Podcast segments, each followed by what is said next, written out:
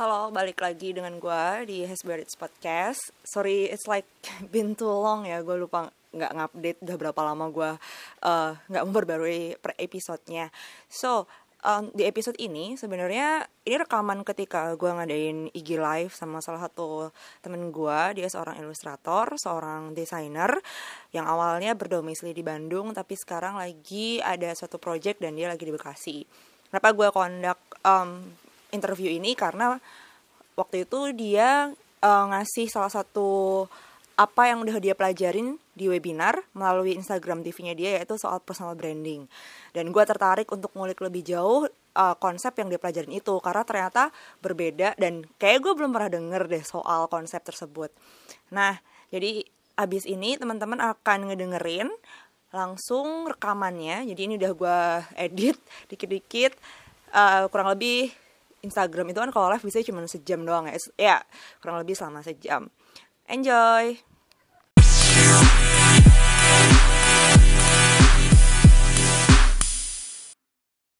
Um, perkenalkan yeah. gue Hesti dan gue hari ini nggak ngobrol sendirian. Gue bakal ngobrol sama Arijal, salah satu teman gue dan dia adalah seorang uh, ilustrator, graphic designer. Uh, kenapa kok gue bikin acara ini? Sebenarnya karena ke-trigger sama postingannya di Instagramnya Instagram TV-nya Arijal waktu itu dia ngebahas soal personal branding. Tapi pendekatannya seru nih uh, salah satu pendekatan yang gue baru tahu gara-gara postingannya Arijal uh, terus gue mikir kenapa kok nggak bikin semacam Instagram live di mana nanti Arijal juga bisa sharing apa aja yang dia dapat selama kalau nggak salah itu webinar ya Jal ya? Atau apaan? Atau online yeah. course? Webinar gitu dari Faris TV Oh, oke. Okay. Jadi itu webinar. Nah, kebetulan banget nih kayak yeah. Arijal bisa bagi-bagi nih gitu kan. Apalagi di masa pandemi kayak gini, kayak semua orang uh, lebih senang ada di uh, apa namanya nge-branding dirinya in personal in internet or online persona gitu. So, um, yes. nanti teman-teman bisa apa namanya bisa masukin pertanyaan di kolom komentar. Gue akan uh, berlokus pakai sebagai moderator. Diskusi ini berjalan selama 60 menit nanti beberapa pertanyaan sembari gue uh, interview si Arijal ntar gue akan bacain beberapa pertanyaan dan Arijal bisa jawab oke okay. um, okay. Arijal ini nanti konsepnya kita ngobrol aja sih ya jadi sama-sama sharing yep. karena gue sendiri bukan bukan pakar di bagian personal branding gue kebetulan pernah baca dan waktu kuliah dulu uh, pernah masuk ke dalam kelasnya anak komunikasi gitu jadi ya kita sama-sama sharing aja ya yes Oke, okay, uh, let me start. Jadi uh. pertama nih, gue mau nanya. ini kayak kamera depannya Arijal berubah. Wait. There is something happen kayak Jal ya. Oke. Okay. Oke. Okay. Oke. Okay. Udah siap? Oke. Okay. Langsung ya pertanyaan okay. ke pertanyaan pertama nih Jal. Um, Oke. Okay. Menurut lo nih, menurut lo dari yang lo dapetin di webinar, mungkin lo sempat ikut online course atau mungkin sempat uh, baca buku personal branding itu apaan sih? Oke, okay. uh, eh, personal branding itu sebetulnya uh, kita bahas dulu dari branding ya. Branding itu kan, boleh, boleh. Branding itu uh, asal katanya dari brand. Kalau uh, kalau sejarahnya tuh kayak dia tuh bahasa dari kata brander atau uh, penandai. Jadi dulu tuh istilah istilah branding itu udah muncul dari tahun 1500-an gitu. Uh, itu relate tuh kegiatan uh, menandai hewan ternak gitu. Jadi brand itu kemudian ya secara uh, harfiah itu menandai lah proses menandai gitu ya. Uh, terus uh, revolusi industri ada, kemudian juga uh, brand kemudian menjadi sebuah uh, apa ya? Jadi satu isu, jadi satu entitas yang melekat dalam industri gitu ya. Uh, puncaknya tahun 1960-an ketika ya muncul apa McDonald's dan sebagainya ketika segala sesuatu kemudian bisa diiklankan gitu itu uh, puncaknya di sana dan uh, sampai sekarang mungkin yang saya uh, yang gue bikin uh, yang gue pikir mungkin brand apa konsep branding sekarang itu mulai kebentuknya dari tahun 60-an gitu bahwa branding uh, branding itu relate dengan kegiatan jual beli relate dengan kegiatan apa pemasaran gitu ya. Nah, kemudian kalau personal branding, tadi branding itu kan kayak branding itu tadi me, apa me, me, menandai kemudian me, apa membuat sesuatu itu mudah dikenal, bisa di apa dekati seseorang gitu. Nah personal berarti ya uh, bagaimana kita membuat diri kita itu uh, dikenal, kemudian bagaimana kita membuat kesan uh, soal diri kita di orang lain kayak gitu sih. Personal branding itu kurang lebih kayak gitu sih. Konsepnya kayak gitu sih yang uh, yang gue pahami gitu ya. Dan sini ke sini makanya ya personal branding itu kalau kita lihat di kelas-kelas yang udah sering bertebaran di Instagram kemudian di webinar-webinar itu biasanya relate dengan kegiatan-kegiatan kayak meningkatkan apa engagement gimana kita jadi apa mau jadi influencer kayak gimana gimana jadi selebgram gitu-gitu. Uh, sekarang sih yang gue lihat di industri pada umumnya kayak gitu gitu. Seperti itu. Nah kan kalau sekarang itu kan uh, karena lagi pandemi jadi semua orang kayaknya ngepost something di Instagram atau di pokoknya lebih ke internet gitu. Tapi sebenarnya personal yes. branding itu berlaku secara offline gak sih Jel? Kayak misal sebelum masa pandemi kita coba lihat ya uh, apakah itu juga berpengaruh ke cara kita berpakaian atau cara kita ngomong sama orang apakah itu termasuk dalam personal branding? Yes, betul. Uh, buat gue pribadi sih dan memang baca-baca dari dari Forbes, pokoknya dari dari media-media yang memang uh, ya di bidang-bidang marketing gitu, ya sebetulnya uh, personal branding itu bukan justru bukan bukan sesuatu yang kayak gimana lu bisa terlihat uh, cantik atau tampan di apa di media sosial gitu. Tapi ya lebih dari itu gimana kemudian nanti lu bisa jadi seseorang yang genuine gitu. Kemudian ya uh, bisa dipercaya orang gitu kan. Uh, kalau kita justru kalau kita katakanlah cuman keren di media sosial tapi ketika apa di personal kata di offline-nya itu kita kita nggak beres ya itu kan justru ya bikin orang nggak terasa sama kita gitu kan. Nah jadi menarik makanya kenapa ini kan topiknya tentang ini ya apa kita tuh akan bahas soal kenapa branding itu kemudian penting buat anak muda gitu kan. Ya. Nah nanti nah ini kenapa penting karena tadi personal branding itu pada akhirnya bukan ternyata bukan soal uh, gimana kita tampil keren di uh, di Instagram kita atau enggak gimana kita punya punya engagement tinggi di di media sosial kita gitu jadi sebenarnya harusnya berjalan apa ya lurus gitu ya apa yang lo tampilin di media sosial. Ya ketika misal gue ketemu lo secara pribadi ya itu itu adalah lo gitu bukan sesuatu yang dinamakan pencitraan gitu. Ya nggak sih? Yes betul betul. Setuju kayak gitu. Jadi nah kita kalau kita apa bahas bahas soal tadi bahwa sel, apa personal branding itu sebetulnya uh, sebuah proses yang kita jalani sebagai personal itu baik dalam offline atau online gitu ya. Mana sih kalau kita bahas dulu, kalau kita mau narik ke isu anak muda gitu ya, kita bahas kasus yang masih hangat sih kemarin, Kema uh, youtuber itu loh, youtuber yang dia ngeprank transpuan yeah. dengan uh, ini menarik sih, menarik kalau kita bahas uh, pakai kacamata personal branding gitu ya. Uh, bagaimana si anak-anak ini, si remaja ini dalam konten-kontennya di apa? Konten-kontennya di media sosial, di YouTube-nya gitu. Dia dia cukup punya subscriber banyak di situ di akunnya. Tapi kalau uh, kalau kita lihat kontennya, kontennya itu ya orang bebas ngejudge dan kalau gue pribadi melihat kontennya itu apa ya? Yang nggak jelas gitu maksud gue kayak lu tuh ya nggak jelas gitu kan. Nah kemudian pada titik terbodohnya gue pikir kemarin ketika dia melakukan ya nipu apa melakukan penipuan ke transpuan kemudian itu dipublish dan orang-orang akhirnya sebagai apa sebagaimanapun orang Indonesia belum apa ya belum terlalu care sama isu sama isu gender ketika kasusnya seperti Ferdian Paleka itu semua orang akan setuju bahwa apa yang dilakukan itu salah gitu dan dia sekarang berada di udah ditangkap polisi, bahaya di penjara. Nah, maksud gue, bagaimana konsep personal branding yang tidak nggak terkonsep dengan baik, seenaknya itu bisa mengantarkan seorang anak muda ke penjara lah gitu.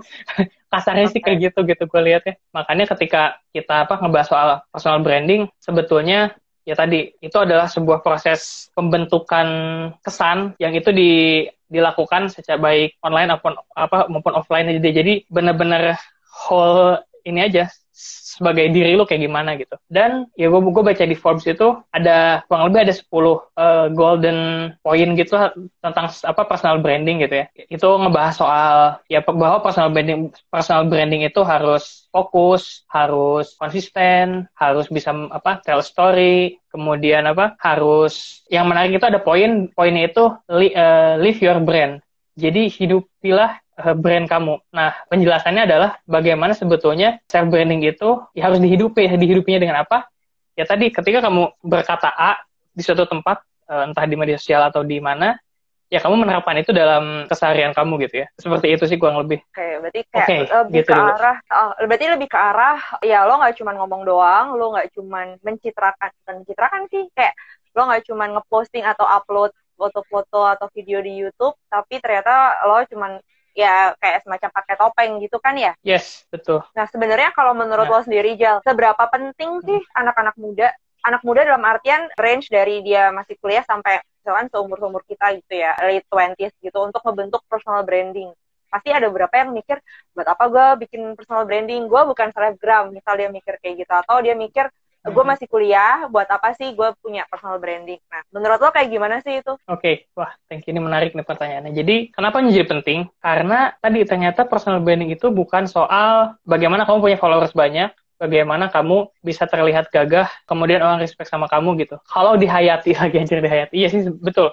Kalau kita hayati lagi, gila men, personal branding itu dalam banget gitu. Nah, kenapa penting? Karena kan anak muda itu dalam proses pembentukan, dalam masa pencarian, kemudian apa ya masih banyak nyoba-nyoba lah. Tapi sebenarnya konsep self apa personal branding itu menawarkan bagaimana sebetulnya kita itu sebagai person perlu menyadari tentang kamu apa arti eksistensi kamu di dunia itu apa sih gitu. Nah mungkin ini gua mau yang mau gue mau bahas yang berkaitan dengan apa dengan webinar yang yang seminggu lalu gue ikutin. Itu webinarnya sama Faris Tevi. Jadi Faris Tevi itu dia seniman, dia tuh seniman yang bikin konsep brandingnya filosofi kopi, yang bikin logonya PT KAI, terus banyak lah. Nah, yang menarik dari dia itu, bagaimana ketika dia bahas personal branding, dia langsung bahas soal personal branding adalah obituary adalah obituary. Obituary itu kan cerita ini ya, cerita kematian gitu. Ya obituary kalau mungkin kalau kita lihat di koran atau enggak, enggak usah di koran deh. Kalau kita melayat seseorang, itu kan ada ustadz atau siapa itu yang uh, sebelum mendoakan dia menceritakan tentang si bap bapak atau ibu ini ketika masa hidupnya seperti apa. Nah, uh, yang gue pelajari dari kelas kemarin itu bahwa self branding itu sebetulnya adalah obituary gitu. Jadi self branding adalah bagaimana orang-orang akan mau uh, bagaimana orang akan mengenal kita ketika kita meninggal gitu. Dalam kan ngeri ya. Ngeri Jadi itu.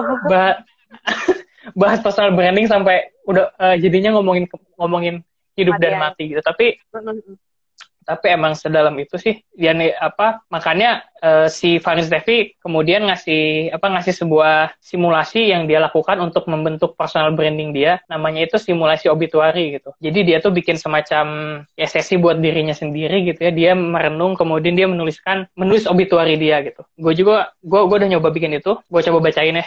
Uh, proses Nah, proses membuat obituary ini kenapa penting? Karena ya tadi ternyata ini pengalaman gue juga ternyata ketika membuat sebuah obituary itu kita kan memikirkan men, memposisikan diri kita itu ketika kita mati kita ketika kita mati itu kita mau dilihat orang sebagai apa gitu. Oke, sebelum baca sebetulnya konsep yang ditawarin si Faris itu juga sebetulnya nggak jauh beda dengan statementnya Jeff Bezos Amazon tentang branding. Uh, branding is what people say about you when you are not in the room gitu. Branding itu apa yang orang-orang katakan tentang kamu ketika kamu tidak di dalam ruangan gitu. Anyway, uh, ini simula uh, hasil simulasi obituary gue gitu ya. Proses ini buat gue sih kayak memakan energi juga ya karena maksud gue kayak berat loh ketika lu apa ketika lu memikirkan kematian lu dan kemudian lu memikirkan nanti tuh ketika lu mati lu mau mau mau apa sih gitu. Dan ini kon, apa si skema obituary ini gue tulis contohnya pakai contoh yang si Faris TV kemarin sajikan gitu. Ini obituary Rijal Hadian. 9 Mei 2000 nggak tahu berapa 9 Mei hari ini. Telah meninggal dunia Rijal Hadian. Seorang seniman seorang guru, seorang teman dan mas dari masyarakat Indonesia, dari yang kaya hingga papa. Seorang ayah dan kakek dari tokoh-tokoh berpengaruh di bidang ekonomi, kebudayaan, dan pendidikan. Hari ini beliau menyusul istri tercintanya yang dua tahun lalu telah berpulang. Semoga semua amalannya diterima di sisi Allah Subhanahu wa Ta'ala dan diampuni segala dosanya. Orang-orang mengenalnya sebagai kamus atau ensiklopedi berjalan Wawasannya luas hingga berbagai lapisan masyarakat senang bekerja sama dan belajar dengan beliau. Dengan sekolah dan pusat pembelajaran yang dibangunnya di Derwati, sebuah kawasan di bagian timur kota Bandung, orang-orang desa bisa belajar bahwa dunia itu luas dan anak-anak berani menjadi apa saja. Dan anak muda sibuk dengan karya dan proyek-proyek pemecahan masalah di sekitarnya. Ia juga dikenal sebagai inisiator gerakan kreatif. Orang-orang mengenal karya-karyanya yang berbicara tentang masalah sosial. Rizal Hadian meninggal di kebunnya di usia ke-100 beberapa menit ketika selesai menanam biji pepaya setelah mandi pagi dan sholat duha. Ketika menulis uh, ini gitu ya, ya memang gue gue mencoba menulis ini dengan serius dan ya memposisikan diri benar-benar kayak nanti kalau gue mati lihat beneran nanti gue mati gue pengen di gue pengen orang itu mengenal gue sebagai apa sih gue merenung dan ternyata ya sepertinya gue ingin menjadi seorang guru gitu ya oh semoga nah, oke okay.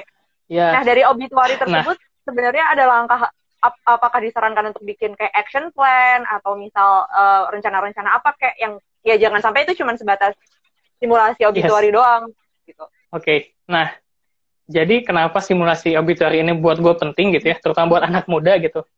Karena ini kayak basicnya gitu loh, basic di mana lo menentukan lo tuh sebagai person gitu dalam hidup lo, lo mau jadi apa sih gitu. Buat action plan-nya kemudian sebetulnya waktu di kelas gue yang ikut eh, eh di kelas yang gue ikuti itu nggak dijelasin secara detail gimana sih bikin action plan dan sebagainya. Cuman sebetulnya justru dari, dari situlah sebenarnya kalau ketika lu udah tahu tujuan lu mau jadi apa, lu mau ngapain dalam hidup ini gitu ya, kamu mau dikenal orang-orang sebagai apa dalam kehidupan ini, ya lu tinggal jalanin hidup lu sesuai ya sesuai dengan tujuan lu gitu. Maksud, maksudnya kayak gini. Kalau gua kalau gua tadi pengen jadi pengen dikenal sebagai guru, sebagai seniman, ya dari sekarang berarti gue harus ya, menjadi guru gitu. Bagaimana ya gue harus mendorong diri gue menjadi guru apa? Entah mungkin mau sharing bikin video kayak gini atau enggak tiap gue ikut uh, seminar ikut apa gue langsung share di media sosial gue gitu. Atau enggak gue dengan sukarela misalnya apa bikin kelas-kelas uh, marketing di di apa di NGO NGO atau enggak di organisasi-organisasi yang rintisan gitu. Nah uh, gitu sih. Jadi bagi, buat gue gak punya sebuah skema follow up action yang rigid gitu ya tapi yang jelas bagaimana sebetulnya buat gue pribadi ketika gue membuat sebuah simulasi obituary itu mempermudah gue untuk menentukan apa yang harus gue lakukan hari ini gitu. Nah, that's why kenapa penting juga buat anak muda karena ketika anak muda sudah dari sekarang katakanlah sering mempertanyakan kematian gitu ya. Ketika sejak muda sudah sering menggugat apa tentang arti kehadiran dirinya di dunia ini, kayaknya anak muda ini bakal gak selengean selengean amat maksud gue kayak dia punya lebih responsibel terhadap hidupnya gitu. Nah itu uh, itu kenapa titik buat gue titik krusialnya kenapa penting banget personal branding ini buat anak muda gitu. Bahkan dari SMA uh, eh, SMP gitu. Kebetulan adik gue yang SMP lagi nonton juga ini. Halo. Berarti uh, yes. gak cuman gak cuman masa gini personal branding itu ternyata lebih dalam dari sekedar lo masarin diri lo di sosial media kalau sekarang. Karena biasanya kalau misalkan lo sempat dengar kan personal personal branding itu lekat dengan image kita atau citra kita di media sosial. Misal kayak lo sebagai ilustrator, bagaimana lo masang portofolio lo di uh, Instagram lo dan gua dengan buku-buku gua gitu kan. Tapi ternyata tuh kalau ditarik lagi lebih jauh, lebih bisa dianggap seperti lo goalsnya itu mau jadi apa sih sebenarnya ketika ketika dewasa? Dan maunya ntar ketika uh, akhirnya sudah meninggal lo pengen diingat sebagai apa? Berarti bisa dibilang personal branding itu juga salah satu dari visi. Yang ngasih visi hidup manusia. Yes. Iya. Yeah. jadi Setuju. jadi emang kalau uh. kalau bisa dibilang ya ternyata kenapa anak muda perlu ada personal branding? Lebih dari sekedar dia memasarkan dirinya tapi juga sampai ke uh, sejauh mana dia mau memproyeksikan dirinya ya tadi kayak kata lo sih Jal yang mempertanyakan eksistensi sebenarnya lo mau dia mau diingat sebagai apa Iya kan? Uh, Yoi, ngeri ya, aduh. Aduh ini dede-dede yang menonton ya. Aduh, ibu harap sih bisa, semoga ngerti apa yang gue katakan ya. Kalau enggak nanti bisa, inilah bisa chat-chat personal gitu. Oh, Oke, okay, uh, eh, ini okay. lanjut ke pertanyaan selanjutnya sih. Kayak, kan tadi masih nyambung tuh kalau misal kalau misal anak muda mau bikin uh, obituari tadi bisa bisa seperti itu sebenarnya. Tapi dari lo sendiri itu ada nggak kayak bukan standar ya kayak bisa dibilang gue minimal punya seperti ini nih gue minimal kayak lo tadi ngomong gue minimal diingat sebagai guru. Nah anak-anak muda ini sejauh apa sih sebenarnya dia untuk bermimpi dia mau jadi apa? Atau bisa setinggi apa pun yang dia mau? Buat gue sih uh, boleh banget itu terserah orangnya terserah setinggi apa pun. Dan maksud gue kayak untuk menentukan tinggi rendahnya itu sangat apa ya, sangat relatif maksud gue kayak mungkin buat sebagian orang menjadi guru itu tidak tidak luar biasa. Tapi buat sebagian orang itu luar biasa gitu. Atau enggak menjadi misalnya menjadi tukang sapu-sapu jalan atau enggak pengolah sampah itu rendah. Tapi bagi sebagian orang itu mulia gitu kan. Jadi sebetulnya buat gue dan buat anak muda sebetulnya silahkan konsep se sefit fitnya dengan diri lu gitu. Apa personal tadi apa soal konsep personal branding lu kayak gimana. Dan perlu diingat juga sih bahwa personal branding ini bukan sesuatu yang sifatnya kayak apa ya. Misalnya gue gue sekarang bikin apa ya bikin personal apa bikin si tadi simulasi obituari gue gitu.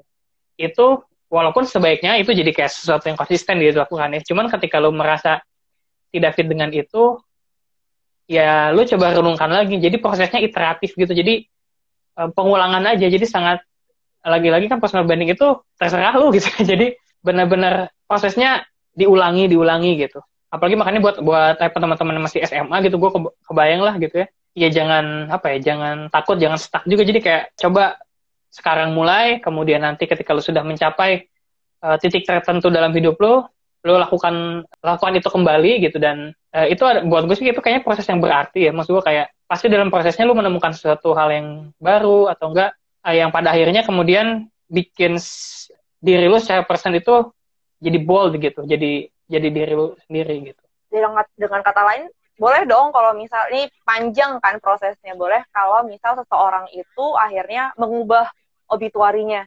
Jadi ya misalkan dia pinginnya jadi guru, tapi ternyata ketika masuk kuliah dia uh, dia tidak masuk ke dalam jurusan yang diinginkan, tapi terinspirasi nih, oke okay, gue akan jadi peneliti.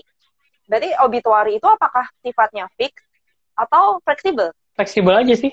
Fleksibel. Dan kalau saran gue sih jadi mungkin perlu dilakukannya itu dilakukan iterasinya dilakukan proses kayak eh kayaknya gue harus men-challenge kembali uh, obituary gue atau men-challenge kembali uh, personal branding gue gitu. Itu tuh uh, buat gue sih mungkin akan baik ketika dilakukan ketika kita udah misalnya kita sudah dalam pencapaian tertentu gitu misalnya kayak gue sekarang belum apa masih membayangkan menjadi uh, gue pengen gue sebagai guru gitu nah, kemudian suatu hari ketika gue misalnya udah jadi dosen misalnya nah itu buat gue sih kayak ini gue bayangkan ya itu adalah waktu waktu terbaik buat gue apa mulai melakukan iterasi tadi melakukan apa menggugat kembali si obituary uh, yang udah gue bikin gitu. Hmm, Oke. Okay. Ada format khususnya nggak sih Jel? Either itu apakah di internet kita bisa nyari template-nya atau sebenarnya itu freestyle aja? Sebetulnya sih nggak ada ya kayak kalau kemarin juga kayak ya gue bener-bener kemarin tuh sama Farid Tevi itu dia bener-bener jatuhnya tuh kayak sesinya nggak nggak banyak nggak banyak apa ya nggak banyak jadi banyak nggak banyak tools-tools kayak ya, uh, ya skema-skema yang mungkin kita bisa apa replikasi gitu tapi banyaknya kayak ngasih konsep besar aja cuman kalau apa mungkin butuh butuh contoh nanti gue gue bisa share si format yang gue bikin ini sih dan ini format yang gue oh. bikin kurang lebih nyontoh yang uh, Faris Tevi itu. Eh bentar, kalau kayak gitu kemarin waktu webinar sempat dikasih kayak soft file PDF atau presentasi ya nggak Jal? Nggak, gue mencatat. Oh, nah mungkin lo bisa bisa bikin itu PPT atau PDF terus ntar uh, lo masukin ke dalam salah satu platform sosial media lo, entah itu lo punya blog atau apa kali ya. Jadi teman-teman yang misalkan ngikutin uh, sesi ini dan nonton sesi ini kayak kebayang sebenarnya kemarin waktu webinar itu ngejelasin apa aja boleh kan ya, Jal? Boleh banget, boleh banget. Rencananya memang oh, ya. seperti itu. Nah, good. Bagus. Jadi sayang banget. Nah, kayak tadi misal nih, Arijal punya dengan dia menjadi pingin menjadi guru berarti kan dorongan untuk sharingnya besar. Cara-cara yang dilakukan Arijal ini bisa teman-teman tiru juga. Jadi kalau ini aku uh, eh, gue ambil contohnya Arijal ya karena pengen jadi guru ya udah dia bikinlah Instagram TV yang ngebahas soal personal branding berdasarkan dari apa yang dia dapat di webinar. Kemudian ntar uh, dia akan coba untuk nulis poin-poin yang kemarin dia dapat di webinar. Itu adalah salah satu langkah di mana memulai untuk ya menuju visi yang pengen lo apa ya pengen lo capai dari obituary yang lo dapat kan Jal?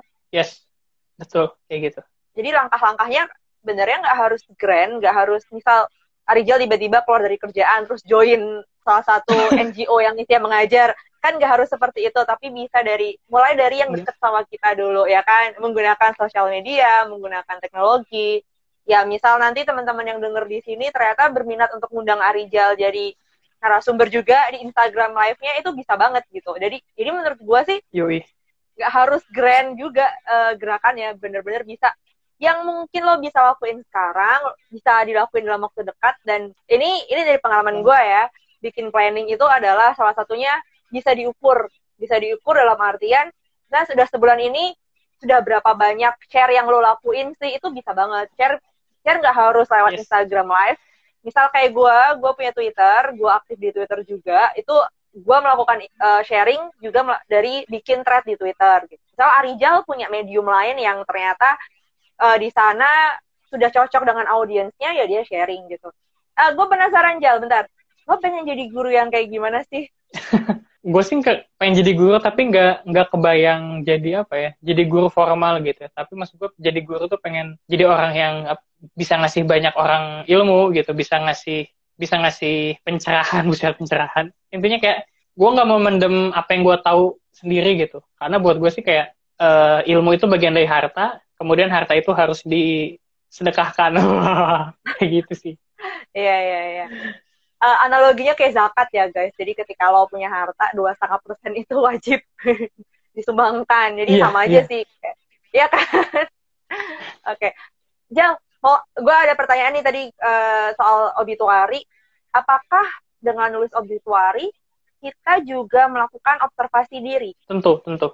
Kayak observ tentu kita uh, lagi kalau kalau kita buat gue sih kayaknya kalau kita melakukannya dengan serius itu harusnya bakal ke observe banget sih diri kita. Karena misalnya kayak gue pribadi ketika kemarin bikin itu ternyata ada beberapa part yang ketika gue tulis itu gue nulisnya susah banget berat gitu buat gue misalnya kayak nentuin ini sekali lagi hayalan cuman kayak ketika gue membuat ini gue benar-benar memposisikan itu sebagai sesuatu yang akan terjadi gitu.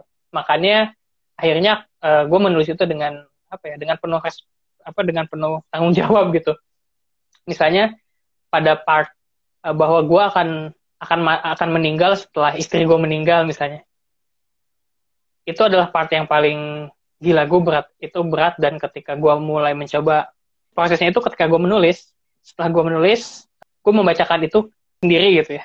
Dan itu gila nggak tahu sih buat gue itu berat ya dan ketika membaca itu punya berat banget terutama pas part di mana uh, gue menentukan bahwa istri gue akan meninggal terlebih dahulu terus uh, baru gue meninggal gitu itu ada part-part di mana uh, eh, gue sadar bahwa oh uh, gue orang yang yang kayak gini gitu ya. Gue orang yang kayak gini dalam melihat sebuah relationship gitu. Ya gue misalnya kayak gue kenapa pengen istri gue dulu yang meninggal karena kayaknya ditinggalin seseorang itu menyedihkan. Ya pokoknya bukan terus sih pokoknya gue gue ngeri lah ya. Pokoknya gue gue gue enggak. Tapi di edis itu gue bahwa oh gini ya cara saya melihat relationship kemudian bagaimana ketika gue apa ketika gue ngu apa pengen pengen jadi orang yang bisa sharing punya sekolah yang tadi gue sebutin detail apa di situ masyarakat bisa bikin project based project based learning dan sebagainya gitu. Itu benar-benar proses yang dilakukan. Gue gue benar-benar berkomunikasi dengan diri gue sendiri tentang apa yang gue mau. Jadi sebetulnya itu sangat-sangat observe diri kita banget sih. Jadi makanya sangat uh, layak untuk di untuk dicoba sih. Wah oke okay. Kemarin waktu lo bikin itu pakai analisis SWOT nggak sih? Kayak ya lo strengthnya di mana weakness lo di mana pakai kayak gitu gitu nggak? Nggak.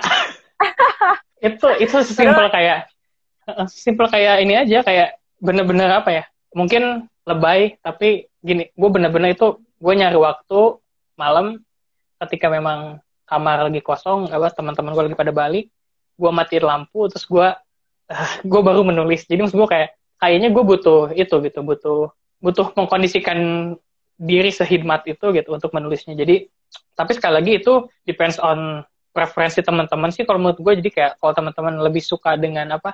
Tadi logik logik uh, yang terstruktur dalam menentukan tadi ya obituari tadi ya itu nggak masalah sih. Kalau gue pribadi orangnya emang nggak tuh suka apa ya? Suka suka percaya akan apa ya? Kekuatan kosmos dan kebetulan that universe conspires thing ya yeah. ya yeah. oke okay, terus lo uh, naruh itu apa obituari tersebut lo cetak apa atau gimana kayak yang yang bikin lo akhirnya bisa melihat itu setiap hari nggak atau gimana? Baiknya seperti itu, tapi uh, saat ini sih belum. Paling gue bikin wallpaper HP doang gitu, nggak nggak nggak cetak karena ya belum punya tempat save untuk untuk naruh itu di tempat di mana aja. Jadi kayak masih paling kalau buka HP gitu, buka Google Keep itu gue pin gue pin di atas ketika oke okay, jadi guru jadi seniman oke okay. jadi itu yang dan itu dan itu berpengaruh ke produktivitas lo uh, hari-hari nggak di luar kerjaan ya Kayak apakah dengan lo hmm. menampilkan itu di wallpaper terus Google Keep kan otomatis lo ngelihat terus kan itu hmm. bikin lo bersemangat atau malah menciptakan pressure kalau gue sih pressure pasti tapi itu pressure yang penuh excitement gitu ya jadi justru bikin selalu apa ya gak bosan gitu. Oke, okay, uh, eh, mungkin lu bisa stres di kerjaan, tapi ketika kerjaan lu beres, lu punya sesuatu, bes, ha, lu punya hal besar untuk dikejar yang itu lu lu rela suffer di situ gitu. Ya, buat gue sih kayak gitu. Kemudian juga nggak tahu kenapa ya, kayak setelah gue bikin itu, uh, alam semesta berkonspirasi gitu. Tuh kan. Jadi, eh iya serius kayak tiba-tiba ada teman yang ngajakin, uh, lagi bikin campaign terus uh, nama campaignnya tuh ajak bagi satu ajak uh, apa ya lagi gue itu jadi campaign buat donasi uh, buat donasi covid tapi ngegerakin masyarakat paling bawah dengan apa dengan dengan ngajak orang pasti partisipasi buat bantu oh ya bantu satu ajak dua. Oh. jadi bantuin satu orang ajak dua orang kayak gitu. Nah kemudian kebetulan uh, teman gue ini bikin yang uh, mau kolaborasi sama ilustrator gitu ngajak gue itu kan kayak terus juga ada museum macan kan lagi open submission ya. Uh, itu pengen sih pengen banget sih bikin sesuatu gitu. Cuman kayak ya let's see lah. Nah jadi kayak nggak tau kenapa ya kayak ketika lu mulai serius terhadap sesuatu peluang-peluang mulai banyak yang relate sama itu terus tapi jangan lupa juga siap-siap nanti bakal ada. Gue yakin nanti pasti ada ada momen-momen di mana gue kayak di apa mau di declinein gitu si si semangatnya. Tapi ya biasalah kalau dalam proses suka kayak gitu kayak ada waktu di mana lo sangat semangat, kemudian ada momen-momen di mana kayak lu di, di challenge lagi, bener nggak lu uh, serius di di jalan ini gitu ya? Iya kayak kalau sekarang sih alhamdulillah lagi lagi gitu lagi. Oh kok banyak banyak yang nge-push gue buat berkarya lagi. By the way, gue udah lama banget nggak nggak ngegambar, nggak bikin musik udah lama udah lama. Jadi kayak tanda-tanda tanda tanda uh, tanda-tanda yang datang ini kemudian buat gue kayak oh, oke okay, mungkin iya uh, eh, gue harus mulai lagi tekun di jalan gue gitu. Wah. nah, kalau misalkan lo tadi ngomong uh, begitu lo nulis obituari dan menghayatinya, ternyata banyak teman-teman dari lo yang ngajak lo untuk kolaborasi. Uh, sebenarnya jangan-jangan lo udah pernah ngepost something gitu di media sosial lo soal keinginan lo untuk berbagi. Post sesuatu belum banyak sih ya. Uh, ya sebetulnya sebetulnya uh, eh, gue tuh memposisikan Instagram gue tuh sebagai sebagai tempat untuk berbagi. Jadi kayak gue selalu mencoba untuk ngepost uh, apa ya post feeds terutama uh, yang memang matters buat buat gue itu matters buat gue dan buat orang lain gitu. Ya misalnya nggak gue nggak pernah posting yang terlalu personal gitu kayak eh pernah sih. Misalnya kayak foto selfie gue terus itu jarang banget sih. Dan makanya sebetulnya apa yang gue lakukan sekarang juga adalah bentuk uh, eh, gue sempat uh, eh, apa berefleksi tentang oh, gue punya 1300-an followers di Instagram gue gitu. Dan gue pikir uh, apa ya gue merasa gue tuh udah di follow kemudian gue harus uh, ngasih sesuatu buat followers gitu. Bodoh amat sih mau dilihat atau enggak cuman buat gue pribadi followers itu uh, apa ya adalah sebuah tanggung jawab gitu. Jadi lu harus gue harus kasih sesuatu buat mereka gitu. Nah ya proses-proses kesadaran ini juga ya berke, apa ya berkelindan dengan ya penemuan-penemuan gue tentang tadi konsep branding yang baru gitu sih tentang, tentang konsep personal branding yang baru. Jadi kayak uh, itu gue diajakin uh, Hesti juga untuk ngisi ini. Itu kayak buat gue sih kayak ya yes, seperti connecting dots seperti apa alam berkonspirasi gitu kan. Jadi di momen-momen ini gue tetap inilah jaga excitement gue di di jalan di jalan ninjaku ini. Oke, okay. uh, eh, terus berarti kan lo kayak tadi kan nyebut ya lo nggak cuman nggak cuman baca soal personal branding dari satu sumber tapi juga berbagai sumber. Apakah setiap kali uh, belajar personal branding dari berbagai sumber itu lo langsung mengaplikasikan terus bikin kayak ya udah gue testing deh kalau gue ngelempar konten kayak gini di Instagram ntar bakal kayak gimana sempet kayak gitu nggak sebetulnya jarang banget karena kayak gue manajemen waktu gue masih nggak terlalu bagus tapi uh, ya gue selalu uh, biasanya jatuhnya jadi banyak lebih ke case study gitu sih. Misalnya kayak ya yang tadi misalnya kayak tadi gue gue kan ketika, uh, eh, ketika baca personal branding gue langsung apa mencoba mencari case study-nya kayak ya karena tadi gue nggak nggak merasa nggak belum punya waktu untuk langsung execute uh, konten gue sendiri gitu. Makanya gue lebih kayak tadi uh, lihat gimana si, si Ferdian Paleka gitu kan itu buat gue itu kan fenomena-fenomena personal branding juga gitu. Terus juga gimana uh, gimana apa orang-orang yang kayak Didi Kempot kalau marum Didi Kempot. Itu juga buat gue kayak study uh, personal branding yang luar biasa sih. Bagaimana seseorang itu ya lihat deh gimana seorang Didi Kempot yang mungkin baru ya baru ngetopnya apa naiknya lagi tuh baru ketika habis synchronize fest itu.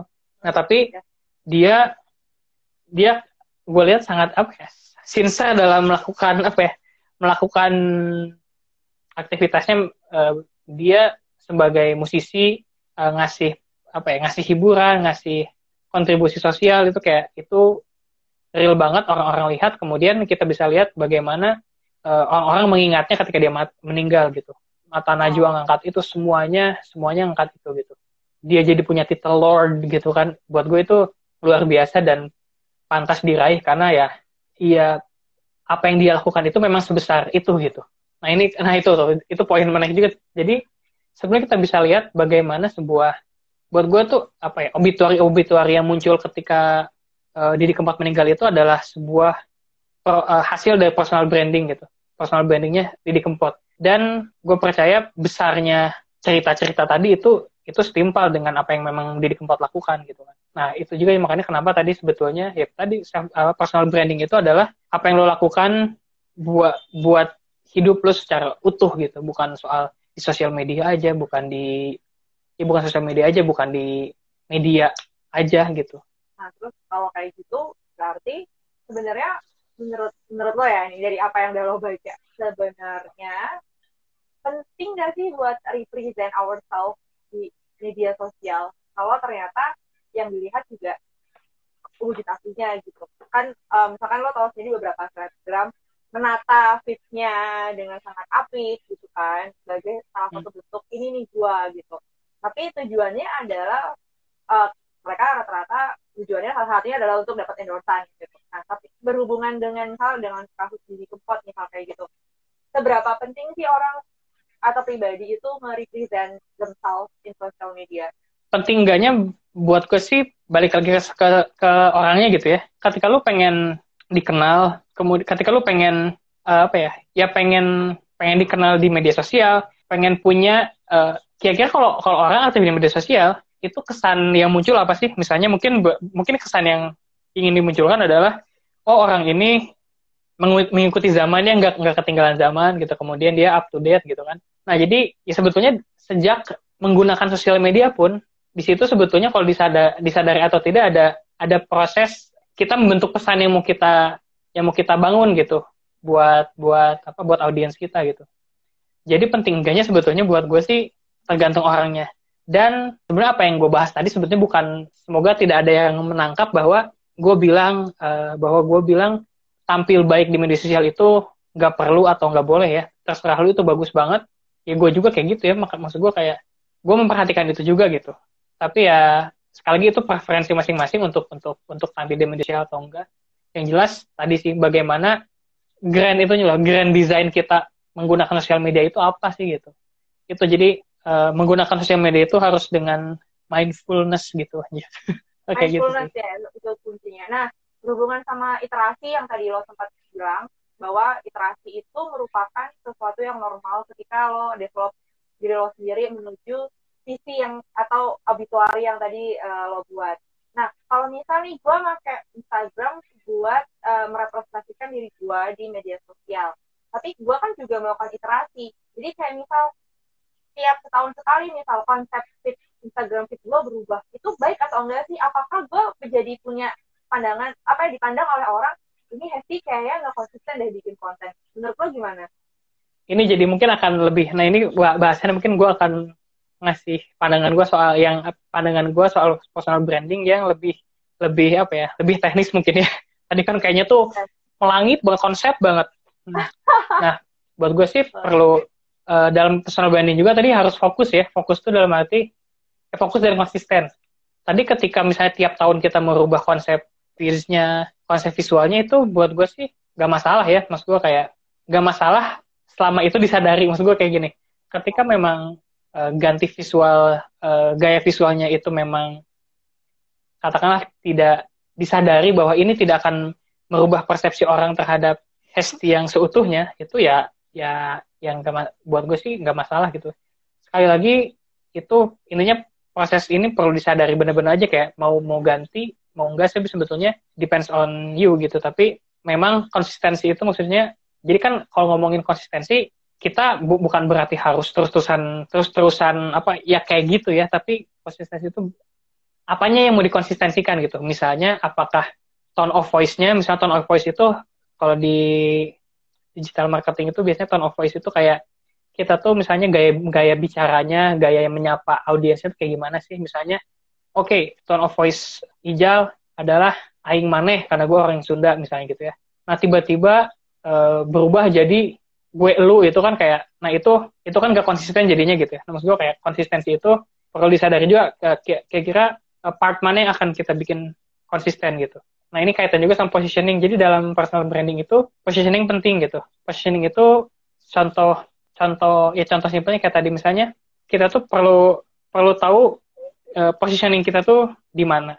Maka kita tuh ketika kita tahu positioning kita di mana, kita akan lebih mudah untuk menentukan di mana kita harus konsisten dan di mana kita tidak gitu. Uh, misalnya tadi, kalau kalau gue memang target audiens gue adalah orang Sunda, kayaknya hal-hal eh, yang perlu gue jaga untuk menjadi konsisten dalam uh, gaya komunikasi gue adalah pertama bahasa, kemudian cara gue menanggapi isu, misalnya gue gue nggak boleh reaktif dan apa black apa dan vulgar karena orang Sunda nggak kayak gitu misalnya. Kemudian misalnya, nah itu positioning itu seperti itu. Jadi ketika kita data positioning, kita akan lebih mudah untuk nentuin kita hal-hal konsisten mana yang mau ya jadi mana yang mau kita jaga untuk konsisten gitu dalam dalam cara komunikasi kita gitu yang gue pahami kayak gitu sih oke okay. wow such a nice chat banget sih ngobrol sama Arizal oke okay.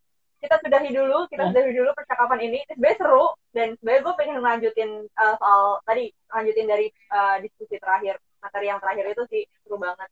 Jadi wrap up untuk sesi ini adalah bahwa kenapa kok anak muda penting banget punya personal branding? Ini dilihatnya dari sisi uh, mau dibawa ke mana sih hidup lo? Mau dibawa ke mana sih sebenarnya uh, eksistensi lo? Dengan lo bikin misal bikin simulasi auditory ternyata itu bisa membantu lo untuk menentukan jalan atau menentukan step-step uh, yang akan lo lakukan gitu either lo misalkan masih SMA atau misalkan lo seumur kami berdua ini yang udah late twenties ya nggak masalah uh, punya seperti itu nggak harus personal branding itu nggak harus selalu soal lu dapat endorsement dari brand apa kayak selebgram ya kan Arijal, thank you banget ya udah mau diajakin ngobrol. Semoga thank you. kita kolaborasi lagi.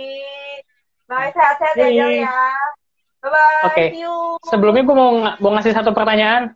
Oh, satu boleh. satu statement penutup deh. Oke, okay. uh, eh, teman-teman, Instagram kan sekarang tuh banyak banget seleb selebgram gitu ya. Terus kemudian banyak pendatang baru pengen jadi selebgram. Tapi gimana ya kalau kalau Instagram tiba-tiba nggak ada itu aja sih bye thank you Jal you bye you you know, man. You know.